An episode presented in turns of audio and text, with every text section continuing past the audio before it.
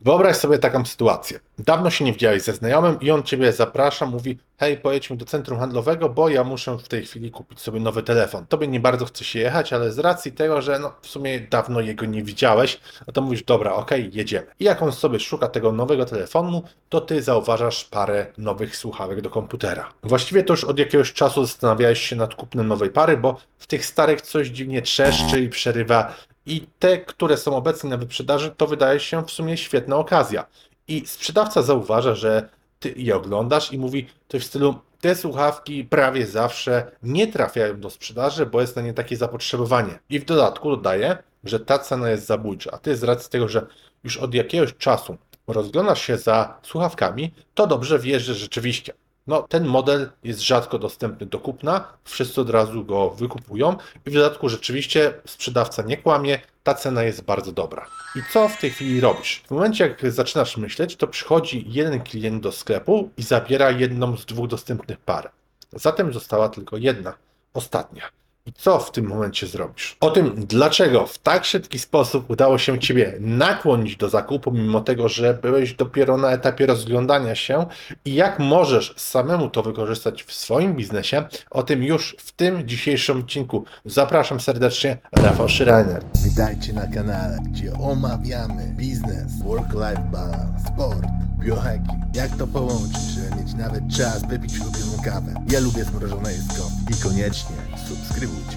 Ok, więc jak stworzyć takie uczucie niedoboru? Bo mówiąc prościej, kiedy na przedmiot istnieje duży popyt i niska podaż, to kupujący zapłacą więcej za jego nabycie. Czyli tak po polsku, jeśli jest dużo kupujących, a mało dostępnych sztuk, to ludzie są gotowi płacić więcej. I dodatkowo płacić częściej bądź szybciej bez zbędnego namyślania się. Między innymi napędza nas wtedy strach przed przegapieniem czegoś, inaczej FOMO, po angielsku Fear of Missing Out, i to nas popycha do podejmowania decyzji szybciej niż gdyby nie było tej presji czasu. Tylko uważaj, bo nadmierne narażanie kupującego na taktykę niedoboru może przynieść niestety odwrotny skutek, jeśli kupujący poczuje dużą presję, więc unikaj bycia nadtrętnym. A jak to w ogóle działa w głowie kupującego? Otóż kupujący oceniając ofertę zastanawia się również, czy musi podjąć decyzję już tu i teraz, czy może jednak poczekać. I niestety,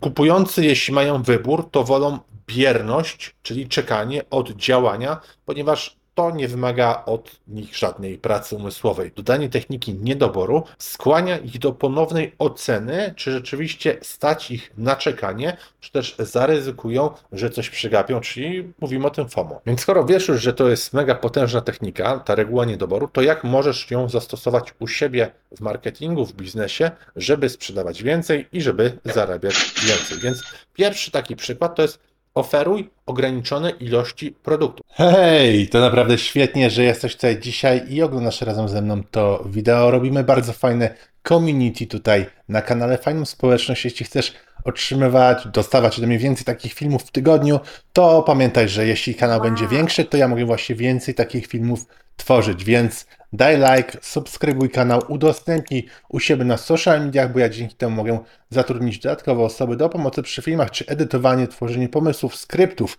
bądź rozprzestrzenianie tych wideo. Także fajnie, że jesteście razem dzisiaj. Pomóż rozwijać kanał, a wracajmy teraz do odcinka. Weź przykład z luksusowych marek modowych, które produkują tylko ograniczoną ilość produktu, żeby zwiększyć jego wartość. Dodatkowo jest coś takiego jak numerowanie przedmiotów i to daje tutaj mocny akcent sprzedażowy. Ja sam ostatnio kupiłem nawet kilka butelek numerowanych whisky takich kolekcjonerskich, bo to daje też poczucie wyjątkowości i podbija dodatkowo cenę. Więc dodatkowo jeszcze możesz do tego punktu stworzyć taką historię, która dotyczy wprowadzania Twojego produktu na rynek, żeby wywoływała szum, ten buzz, buzz marketing i wywoływała dodatkowo tą pilność, że to jest nowy produkt, ale liczba sztuk, czy ten pierwszy launch, czy kolejna kolekcja jest ograniczona. Drugi taki przykład to jest to, żebyś tworzył oferty oparte na czasie. Musisz dodać ograniczenia czasowe do swojej oferty, żeby zachęcić właśnie kupujących do podjęcia działania tu i teraz, więc możesz oferować też rabaty,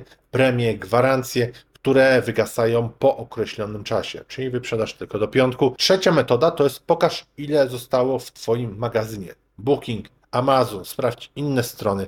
Oni to robią świetnie, bo prawie na każdej stronie mają informację, na przykład zostały tylko trzy sztuki wolnych pokoi, albo zostały dwie sztuki na magazynie.